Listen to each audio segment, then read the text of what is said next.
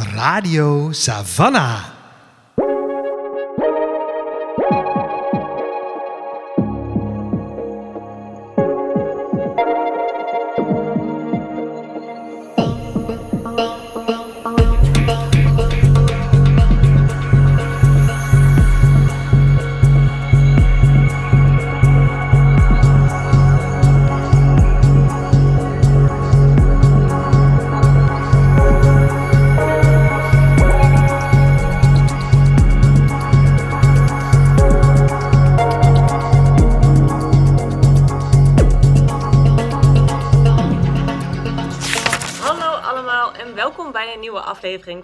Savannah, de podcast van Boekwinkel Savannah B.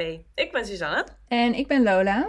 en Savannah B is een onafhankelijke boekwinkel in het centrum van Utrecht. Wij zijn gespecialiseerd in feministische literatuur. Voor ons wil dat zoveel zeggen als literatuur op het snijvlak van gender, queerness, dekolonisatie en het klimaat. En in elke aflevering van de podcast zetten wij een boek, verhaal of persoon in de spotlight. eh, van wie wij vinden dat, eh, nou, dat wel even wat extra in het zonnetje mag staan. Deze week doen we dat met een eh, klimaatboek. Een Yes. radicaal klimaatboek. Het heet How to Blow Up a Pipeline. Geschreven door Andreas Malm. We moeten een beetje lachen, omdat het is eh, een beetje eh radicaal heftiger boek dan we misschien eh, Ja, normaal gesproken bespreken. ja. Dus eh, nou, bereid je voor, zou ik Eh, zeggen. yes. We gaan ervoor hier. Nou, ik kan me zomaar voorstellen dat je Andreas Malm niet kent. Ik had nog nooit van hem gehoord. In bepaalde kringen is hij wel heel erg eh, beroemd, berucht. Ehm, Malm is een ecoloog, een auteur en een activist. Hij is geboren in Zweden en woont en werkt daar ook nu. Ehm, maar schrijft eigenlijk voor platforms van over de hele wereld. Ehm, hij schrijft met name over politieke vraagstukken. Vaak vanuit een socialistisch perspectief, maar hij heeft ook veel pro-Palestina teksten geschreven. En hij is al heel lange tijd betrokken bij activisme rond klimaatverandering. Naast, nou ja, of eigenlijk verbonden aan, aan dat leven, zijn activistische leven, is hij ook professor aan de Universiteit van Lund in Zweden. En daar doet hij onderzoek naar de relatie tussen klimaatverandering en kapitalisme. Hij schrijft boeken, wetenschappelijk en populair, over, over dat soort thema's. Veel van zijn boeken, misschien al zijn boeken, weet ik niet zeker, zijn uitgegeven bij de radicale uitgeverij eh, Verso uit eh, het Verenigd Koninkrijk. En eh, dit is nou niet eens zijn laatste boek, maar wel een boek van vorig jaar. How to Blow Up a Pipeline verscheen in 2021. Maar hij zit niet stil en eh, hij heeft er gelijk nog een boek achteraan geknald. nee, ja, dus het is een, een boek wat we misschien niet zo heel snel oppakken. Meestal kiezen we een beetje meer voor de vriendelijker teksten. Misschien ook iets toegankelijker teksten. Want dit boek is niet per se moeilijk Nee. geschreven. Het is niet een wetenschappelijk artikel uitgebreid of zo. Het is echt wel een, een publieksboek. Ja, Eh, maar je voelt wel in dit boek de, zeg maar, de dubbelidentiteit van Malm. Dat hij zowel een activist als een wetenschapper is. Dus hij heeft best een serieuze toon. Hij neemt je heel gedegen door de argumenten mee. Eh, en ehm, hij heeft één heel duidelijke stelling in het boek waar hij je van wil overtuigen. En eigenlijk is het één lang argument en onderbouwingen voor dat argument wat hij Ja. je Ja. voorlegt. En dan denk je, goh, wat is dat argument? Vertel me er meer over. Nou, daar gaan we. Uitgangspunt eh, van dit boek, of eigenlijk de, de startvraag is van Andreas Malm, is goh, binnen klimaatactivisme wordt eigenlijk altijd zowel gepleit voor als gebruik gemaakt van een hele vredelievende, zachte manier van activisme. Dus eh, er wordt wel chaos gecreëerd, maar verder is het veel, eh, nou ja, menselijke kettingen vormen of zo. Ja. Ehm, heel, heel, ja, hij omschrijft het een beetje als zacht, ludiek vaak. Ja. Eh, eh, wel, ja, aanwezig. Ja. Eh, en ook niet zonder risico per se. Maar, maar zeker ook met een, met een bepaalde aversie voor geweld en met een focus op verbinding, communiceren, Ja. aandacht vragen, maar niet op een al te negatieve manier. Ja. Hij zegt: Goh, hartstikke leuk, maar eh, uiteindelijk zijn we dit nou al hartstikke lang aan het doen op deze manier en er verandert maar niks. Dus dan is de vraag: werkt dit eigenlijk wel, deze vorm? Die soort van tradities die er binnen klimaatactivisme zijn, die vormen die veel gebruikt worden. Waarom doen we die eigenlijk nog steeds als er vanuit eh, groot kapitaal, zeg maar, en vanuit regeringen eigenlijk niks tot weinig gebeurt? Mhm. En dan stelt hij de vraag: is het niet tijd voor gewelddadig protest? Ja. En hij gaat later in op wat dat is, wat dat niet is. Bear Hm. with us. Ehm, maar hij vraagt dus: dit is een directe quote. At what point do we escalate? When do we conclude that the time has come to also try something different? When do we start physically attacking the things that consume our planet and destroy them with our own hands? Is it a good thing we have waited this long? En dat is, hij, zijn argument is niet per se dat het slecht is dat we zo lang hebben gewacht, Mm. maar wel dat het tijd is om een andere richting in te slaan. Of in elk geval te verkennen wat die zou op kunnen leveren. Mhm. En daar dat, de soort van de weg naar dat argument en de, eh, de redenen waarom hij denkt dat het daar tijd voor is, die neemt hij eh, in mee. Ja. Ehm, en dat doet hij door te kijken naar allerlei protestbewegingen uit het verleden, waar dan wel of geen geweld bij gebruikt werd.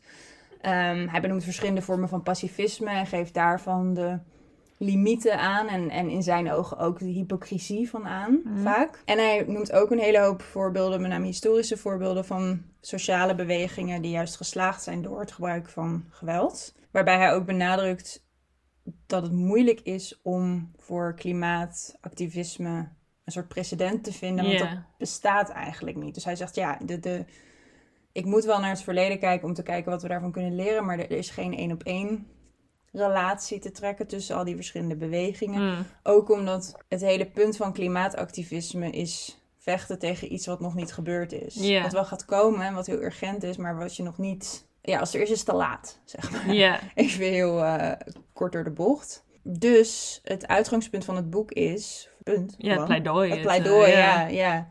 Eh, is dat gewelddadig protest zo nuttig is. En ook in het specifiek in het geval van klimaat noodzakelijk en urgent.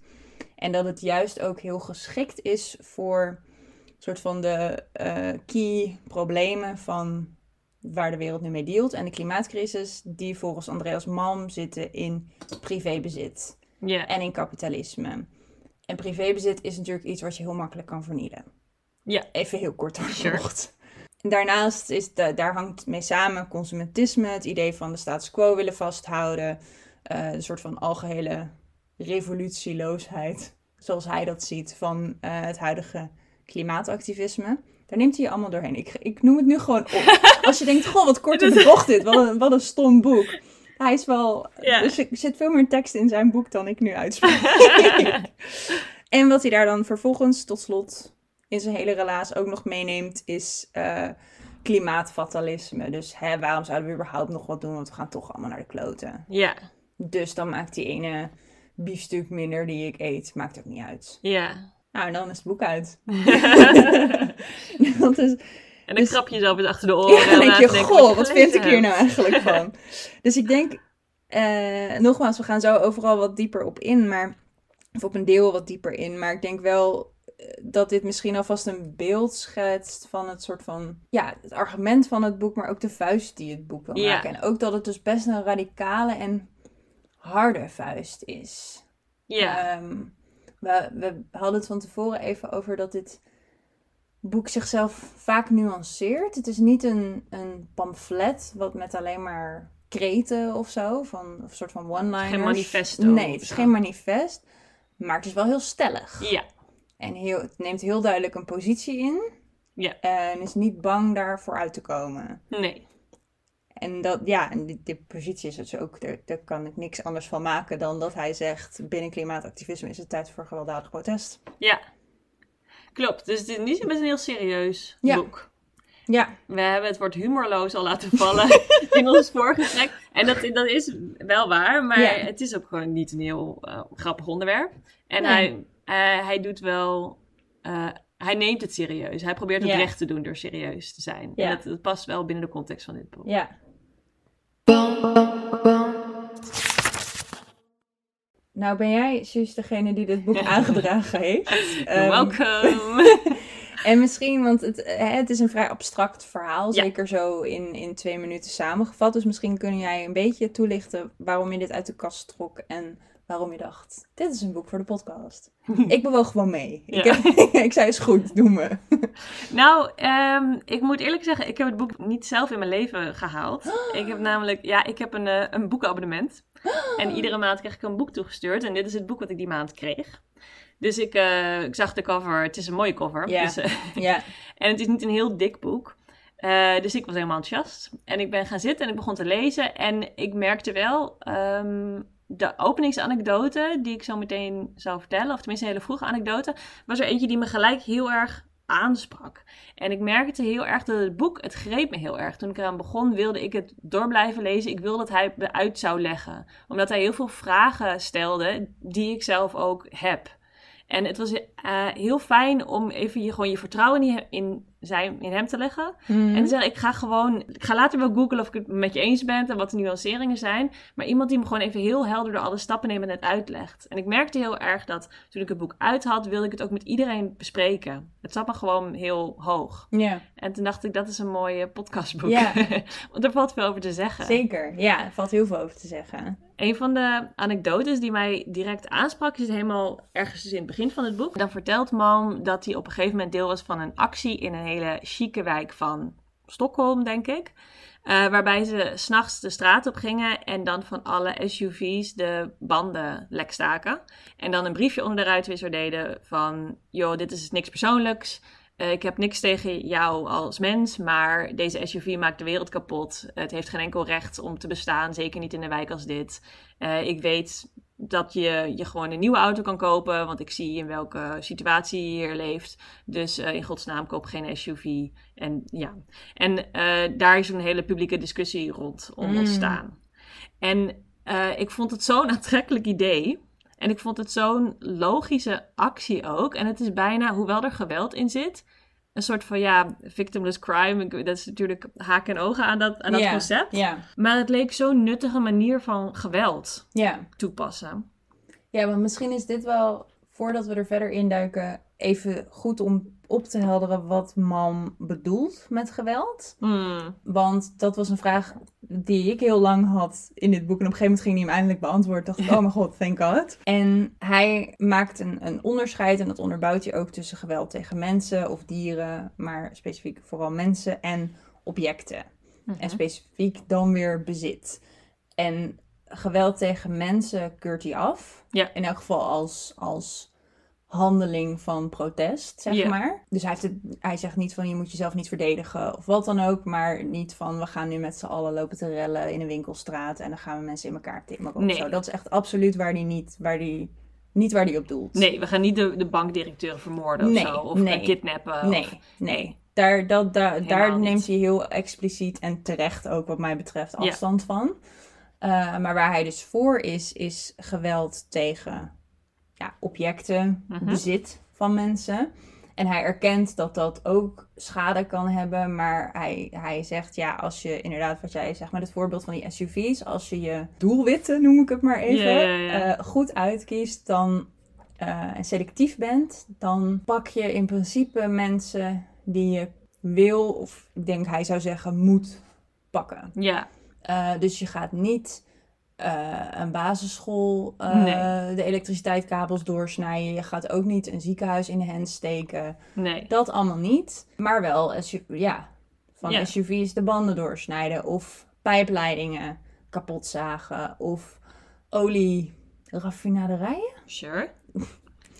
Uh, Klinkt ook slecht. o- on, ons, onschadelijk maken. Of Ja. niet onschadelijk, hoe zeg je dat? On, onwerkbaar. Gewoon, die doen het niet meer. Ja. Daar kan je voor zorgen, blijkbaar. Hij, hij heeft dat gedaan. Ja, Dat soort dingen. Eh, hij, hij maakt daar wel een hele scherpe, eh, een scherp onderscheid. ja, Wat ik fijn vond. Want, Zeker. want het gevaar ligt natuurlijk op de loer. Als je eh, zegt, ja, gewelddadig protest gaan we doen. ja, Nou, dat is, als je dat niet nuanceert, dan heb je een probleem. ja, zeker. En dat is niet wat hij wil. Nee, en ik denk ook in hoe die het presenteert als een soort, nou niet een oplossing, maar in ieder geval een strategie om te verkennen van Ja. zou dit nuttig kunnen zijn als, als klimaatactivisten om daar eh, eens naar te gaan kijken. Zit een soort omkering van hoe we nu een hiërarchie hebben, omdat we nu stevast de keuze maken van spullen boven mensen en dieren eigenlijk. Telkens zorgen we, zijn we als samenleving en dan met name als de, de mensen die de doorslaggevende keuzes maken in onze samenleving, Dus willen we liever meer, meer geld, meer SUV's, meer olieraffinaderijen. ehm, ten koste van de mensen en de dieren en de planten. Ja, En, er is en de dus- toekomst. En de toekomst daarvan, inderdaad. En er zit dus ook een soort omkering in. Van Ja. laten we gewoon juist precies die dingen kapot maken.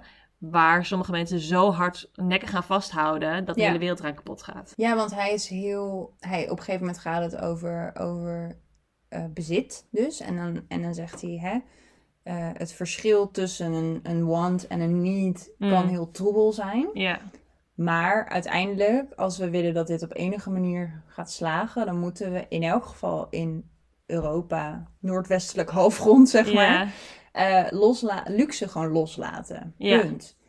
Dan, dan moet je toch offers gaan brengen. ja, En dat zijn dan, zeg maar, los van dus olie en dat soort dingen. Maar als je het hebt over individuele mensen of echt privébezit, zijn dat de dingen die hij target. ja. En wat ik heel eh, knap vind in hoe hij al dit soort argumenten neerzet, is dat hij dus heel helder door alle verschillende stappen neemt. Ehm, als je als hij een argument maakt en je voelt in je achterhoofd dan een soort van vraag opkomen, dan weet je dat de volgende pagina stelt hij zelf die vraag en beantwoordt hij die vraag. Dus hij heeft dit gesprek al heel duidelijk honderd keer gevoerd. Hij weet alle tegenargumenten en voorargumenten, hij ziet ze komen en hij eh, loopt er helemaal zeg maar doorheen. Ja. En een belangrijk soort eh, argument wat hij aandraagt is een eh, historisch argument. Dus ehm, hij kijkt bijvoorbeeld naar eh, het geweldloosheid of het pacifisme wat we nu bijvoorbeeld bij Extinction Rebellion zien. En de argumenten die worden gegeven door bijvoorbeeld de leiders van Extinction Rebellion om dat pacifisme te verdedigen. En ehm, hij laat met historische voorbeelden zien dat dat misschien genuanceerd zou, zou kunnen worden. Dus ehm, wat Extinction Rebellion ehm, eh, beargumenteert, in ieder geval in de woorden van Malm, ehm, is dat er nooit een succesvolle, gewelddadige protestactie is geweest. Dat uiteindelijk altijd, als je kijkt niet naar het direct resultaat, maar naar lange termijn resultaat, dat pacifistisch geweld altijd effectiever is. Eh, en uiteindelijk beter is, meer bedoelen behaalt. Dus we kunnen beter met klimaatverandering, we're playing the long game, kunnen we beter geweldloos ehm, activistisch zijn. Want uiteindelijk halen we daar meer mee binnen. En MAM gaat dus onderzoeken van, nou, is dat inderdaad zo? Ga eens kijken, wat zijn dan al die voorbeelden die Extinction Rebellion gebruikt? Er zijn er heel veel. En MAM eh, haalt dan allemaal een soort van verborgen geschiedenissen naar boven, waarvan hij zegt van, ja, maar dit zijn eigenlijk de verhalen die niet verteld worden. De verhalen van geweld die samenhingen met die geweldloosheid, die we allemaal liever vergeten dat dat nodig was om een soort van doorbreuk te creëren of om een vuurtje, een vuurtje te gaan stoken, eh, om uiteindelijk ook dat doel te bereiken. En hij geeft allemaal verschillende voorbeelden uit allemaal verschillende protesttradities, bijvoorbeeld de suffragettes, eh, die niet alleen maar de straat op gingen en eh, leuzen scandeerden, maar die ook met stenen de straat op gingen en, en ramen insloegen. En daarmee eerst de krant haalden en daarna werd er dan naar ze geluisterd, bijvoorbeeld. Of hij heeft het over ehm slavernijopstand in Haiti, waarbij er inderdaad ook een diplomatiek gesprek is gevoerd, maar er ook eh, delen zijn geweest van de tot slaaf gemaakte gemeenschap daar, die wel degelijk de, de bruggen in de brand moesten steken en de, de poorten moesten opengooien met geweld om tot het diplomatiek gesprek te komen uiteindelijk. En zo heeft hij heel veel voorbeelden die zegt van ja, we hebben het hier liever niet over, omdat het gewoon, het was misschien een van de naarste elementen van deze protestacties. Ja. Maar ze, misschien blijken ze toch nodig te zijn, want telkens komen ze weer tegen als we de geschiedenis induiken. Ja, en het heeft ook, eh, wat hij daarbij ook schetst, is dus bijvoorbeeld die suffragettes. Dat lukte niet. Mm. Door, zeg maar, de, de staat wat, had geen plek voor hun, om, waardoor ze het op een diplomatieke manier konden doen. Of wilden niet naar ze luisteren, of een combinatie van al die dingen. Eh, dus dat vo- vond ik nog wel ingewikkeld, maar misschien is dat wel ook wat je dan nodig hebt, dat dat geweld ook deels voortkwam uit onmacht. Zo Mm. van, al die andere manieren kunnen niet, daar mogen we niet in. Mhm. Dus gaan we geweld plegen, want dat is de enige manier waarop iemand naar ons luistert. Ja. En hij eh, ziet dat denk ik dan als iets noodzakelijks. Mhm. Ehm, misschien is dat het ook wel, dat weet ik niet, daar moet ik nog even op kouwen. maar dat, dat heel erg zo van, het lukt niet, ja, pacifistisch. Het werkt niet. ja, Niet alleen. Ja, Want uiteindelijk wat hij zegt is, je moet, ehm, je moet het oninteressant maken voor mensen om geld te steken in de industrieën die nu zo vervuilend zijn en die nu de wereld zoveel schade toebrengen. En om dat te doen moet je dus continu, eh, nou, elke pijplijn die je tegenkomt, moet je, moet je kapot maken, zeg maar. En dan zet ze een nieuwe Ja. neer, dan moet je die weer kapot maken. Uh. En daardoor, en ook door de onrust die er ontstaat, door al die gewelddadige protesten, gaat de staat ook denken, ja shit, we hebben nu wel echt heel veel onrust in de tent. Misschien moeten we toch ergens water bij de wijn doen, toegeven, in beweging komen. ja, Dat is het ideaalbeeld volgens mij wat hij schetst. Van hoe hij deels denkt dat dit zou kunnen ja. uitspelen. Ja, ik denk wel dat hij gewoon niet de hele strategie voor de toekomst heeft opgeschreven in dit boek. Ik denk, ja, want dit voelt voor mij dus weer een beetje simplistisch. Ja, is het ook. En dat is het denk ik ook, maar ik denk wel, dat is ook niet waar zijn boek over gaat, per se. Nee. Van, goh, als we inderdaad geweld in gaan zetten, hoe gaan we dat precies doen? En wat gaan de effecten en wat is dan de lange termijn ja. strategie daar? Dit is echt gewoon een verkenning van, oké, stel we gaan geweld Ja. inzetten. Waarom wel, waarom niet? Of wat zou het voor, voor, ja, nou, Ja. Wat zou het voor een nadeel zijn van een, andere, st- van een radicaal andere strategie Ja. inzetten? Ja, inderdaad. Wat halen we daaruit? Wat verliezen we daar misschien ook mee? Daar is hij wat minder in geïnteresseerd. Ja. Maar dat, ja, dat is wel een vraag die ook nog bij mij opkwam. Eh, ik denk, ja, oké, dan doe je dat allemaal. ja. En dan? heb je geen pijplijnen meer. Ja, dat is op zich denk ik wel goed. Nou, wel, ja, dan... Ja, dat is wel een goed ding. Ja, het is allemaal ingewikkeld, mensen. het is allemaal ingewikkeld. Het is met dit boek, uh, ik weet dus vrij weinig over hoe je bijvoorbeeld activistische groepen organiseert en wat voor strategieën wel niet handig zijn. Ik, ik weet het niet, ik ben geen socioloog, ik ben geen diehard activist. Um, dus als ik dit lees, ben ik vrij gemakkelijk overtuigd. Ik kan me ook voorstellen, omdat hij het zo simpel uitlegt. Ik kan me ook voorstellen dat als je hier heel veel van weet, dat je dit boek echt door de kamer smijt. En dat je denkt, maar, maar je hebt hier niet aan gedacht, je hebt daar. En dit En is te zo, simpel. je hebt geen ruimte voor. Inderdaad. Ja. Dus ik kan me voorstellen dat het op verschillende manieren een soort geagiteerde lezing Ja. eh, kan geven. Eh, maar het zet je denk ik wel altijd aan tot denken, je moet je ertoe verhouden inderdaad. Ja. Van, goh, zou dit inderdaad een goede optie zijn? Ja, en hoe zou, ja, hoe zou ik dat voor me zien? En ook, het stelt je ook denk ik wel de vraag, hoe pas ik daarin? Ja, Hoe verhoud ik me daartoe? Of je nou diehard klimaatactivist bent of niet. ja. Je bent al wel i- iemand in de wereld. Misschien heb je wel een SUV. Misschien heb je wel een SUV. ik denk dat wij echt eh, de SUV-community van Ja. Internet bedienen met deze podcast. Ehm, maar die, want het gaat dus eh, zowel over, over het collectief en grote gebaren als ook over het individu. En dan, ja, daar word je toch altijd bij getrokken. Ja. En als ehm Savannah Beer ehm hanteert natuurlijk ook vaak een intersectioneel perspectief. En daarom zijn bijvoorbeeld de voorbeelden die ik net noemde, bijvoorbeeld die historische voorbeelden. Hij, nou, hij gaf al aan van, we kunnen niet echt terugkijken over klimaatactivisme, want dat is gewoon heel erg een probleem van nu. Dus ik ga kijken naar eh, activisme rond ehm, onderdrukking van vrouwen of tot slaafgemaakte of allerlei verschillende soorten andere onderdrukking. En ja, dat is natuurlijk niet hetzelfde. Nee. Dus je kan wel iets leren van de protesten van andere bewegingen. Maar het is, nou, ik zou bijna een soort gevaarlijk willen gebruiken om te doen alsof klimaatverandering direct te vergelijken is met racisme, met seksueel geweld, met andere vormen van onderdrukking. Ja, en hij benoemt wel dat dat niet zo is, maar dat is niet een complexiteit waar hij heel erg in geïnteresseerd is. Nee. Om dat nog even eh, tot in, de, tot in de diepste details uit te pluizen en te zeggen, nou, dit is dus hoe voor mij die, die vergelijking in zijn werk gaat, zeg maar. Dus hij benoemt dat. Eh, en hij, hij benoemt ook bijvoorbeeld over de, de verschillende maten waarin verschillende landen en gemeenschappen eh, de effecten van klimaatverandering al wel of niet ervaren. Daar heeft hij allemaal wel oog voor. Maar in de soort van basis is dat, zijn dat niet de gesprekken waar hij in geïnteresseerd is. Nee. En het is ook niet per se eh, het gesprek dat ik heel graag met hem wil voeren. Dus het is zeg maar, als ik het lees, is dit een stemmetje wat aangaat. Maar hij benoemt heel veel ehm, vragen. En ideeën waar, waar je zelf ook mee loopt. Tenminste, waar ik heel erg merkte dat ik er mee liep inderdaad. Gewoon de frustratie als er een SUV door de straat rijdt, zeg maar. Ja. Die agitatie.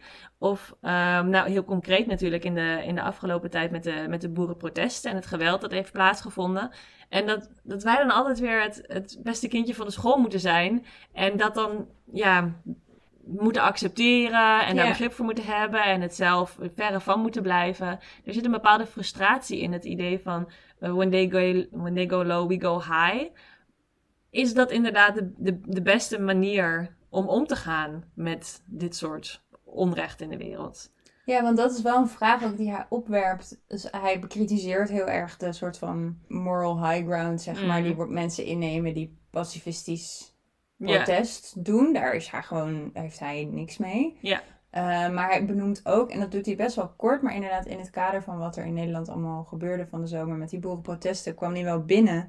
Benoemt hij ook dat dus eigenlijk gewelddadig protest een soort van, ja, ge- geclaimd is bijna door extreem rechts. En dat is als je vanuit een, een, an- een radicaal links perspectief eh, ook gewelddadig protest gaat beoefenen, ja, word je daar in de publieke opinie, in media, Ja. in mensen individuele privé-opinies, ja, al heel snel op één hoop gegooid met een groep waar je eigenlijk precies het tegenovergestelde van bent. ja, En daar zit ook een, zeker bij link, linkse activisten, een groot ongemak. ja.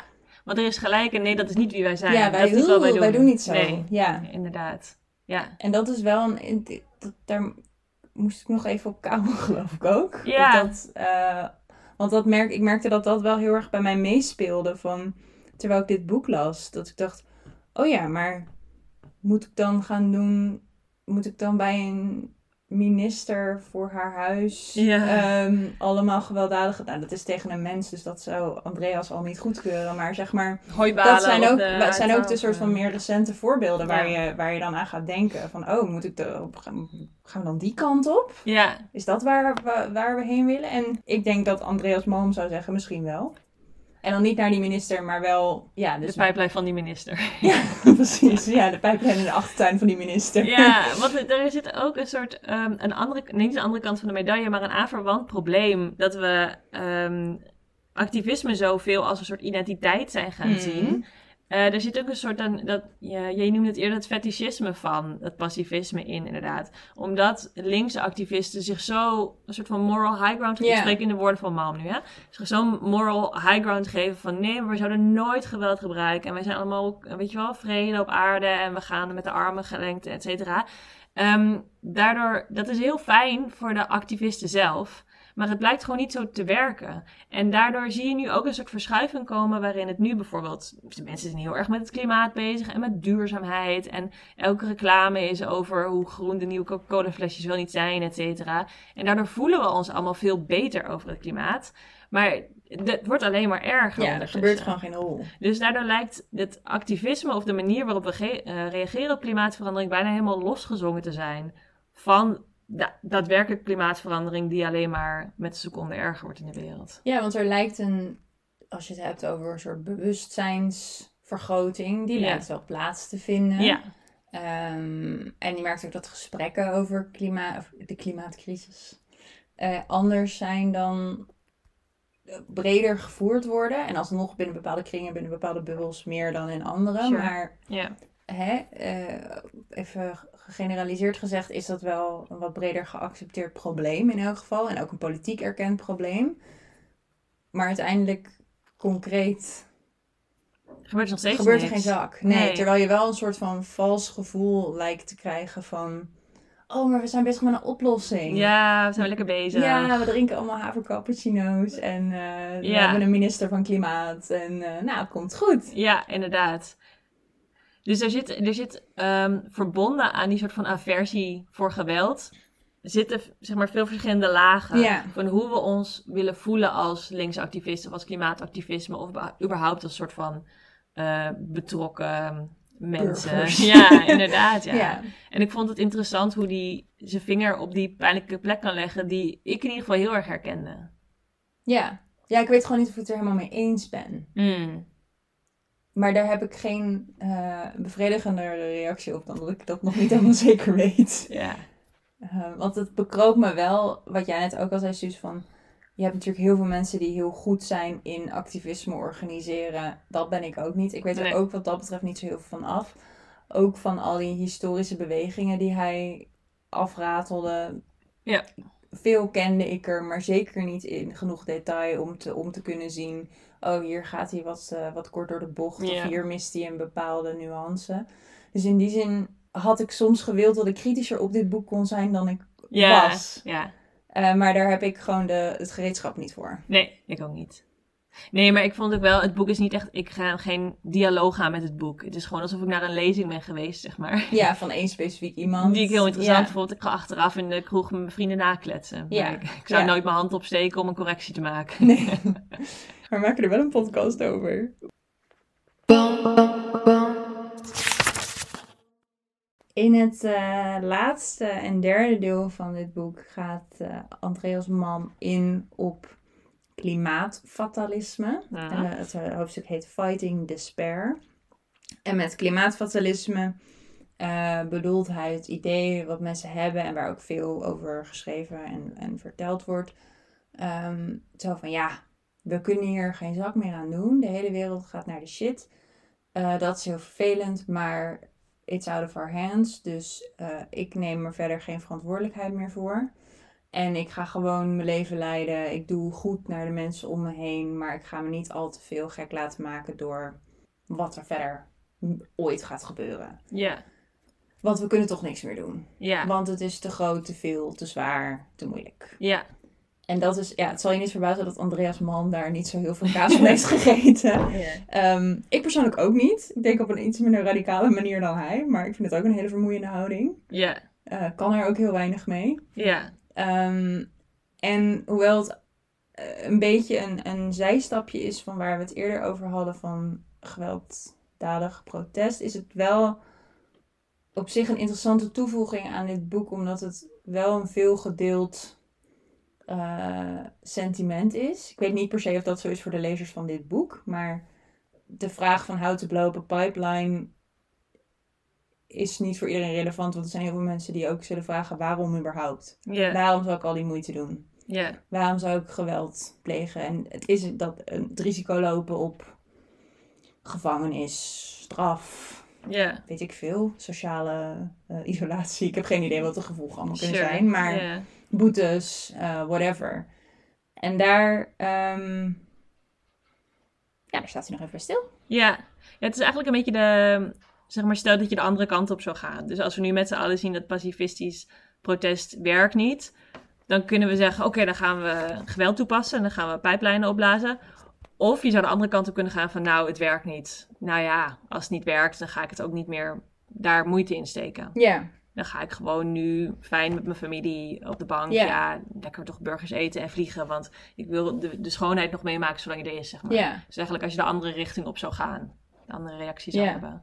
De, de ironie die eh Andres Malm aanstipt is wel ook dat er heel veel mensen zijn die heel veel te zeggen hebben over klimaatfatalisme en waarom ze zo fatalistisch zijn. En, Ja, Terwijl je zou eigenlijk denken, ja, hou dan ook op met erover te praten. ja, Eh, maar dat, dat doen ze niet. nee. Dat is best grappig. Toch wel een beetje humor in het boek. Een klein beetje humor in één het boek. grapje op het einde. Eén grapje over Jonathan Friends op het Ehm, einde. Maar gaat wel.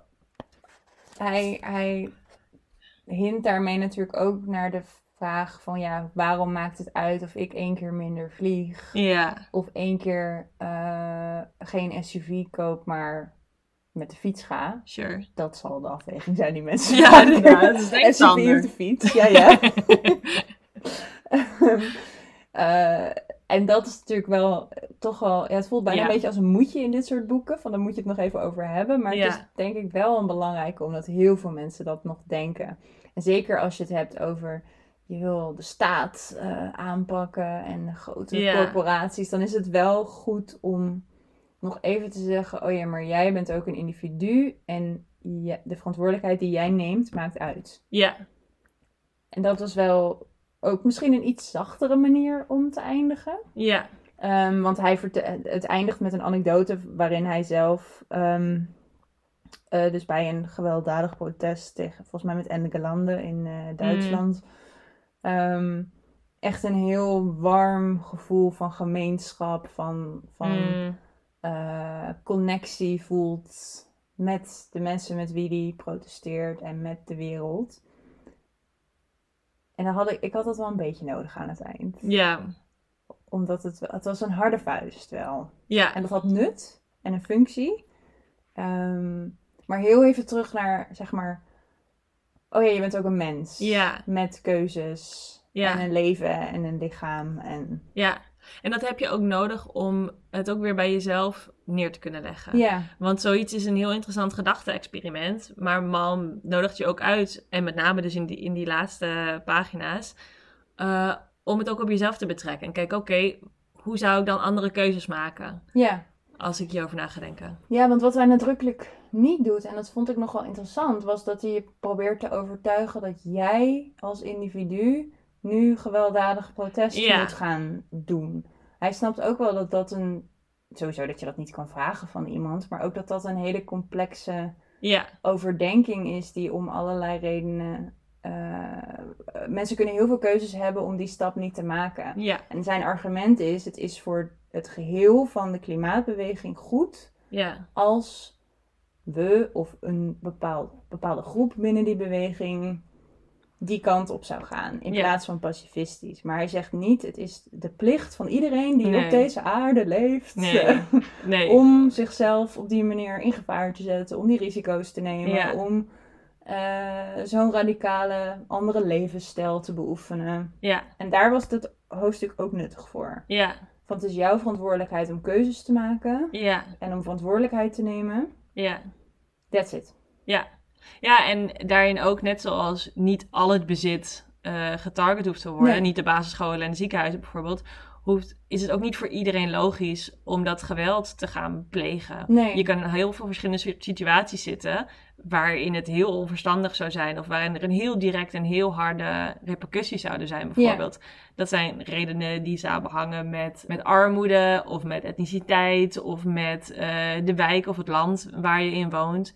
Dus dat, dat is complexer dan dat. En het hoeft niet iedereen eh, hoeft die verantwoordelijkheid te nemen. Maar laten we als collectief, als mensheid op de wereld en dan specifiek meer mensen die betrokken zijn bij klimaatverandering en activisme daaromheen, laten we erover na gaan denken en misschien Ja. strategieën voor op gaan stellen. Ja, en ook laten we onze een beetje rammelen aan de aannames die we Ja. al die jaren hebben gedaan. Ja, En dat is wel een mooie call to action, zeg maar. Dat alleen al ja, is al wel interessant. ja, En hij doet dat vanuit een heel specifiek perspectief, maar... ja. Nou, ehm, werken wij allebei voor een boekwinkel. waar mensen dit boek wel eens komen kopen. Yes.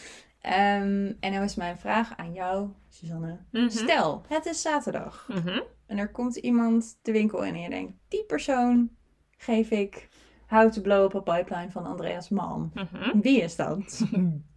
Nou, ehm, leuk dat je dat vraagt, ja, leuk hè? Want ik, ik heb het boek al, al, een, al een heel aantal keer verkocht.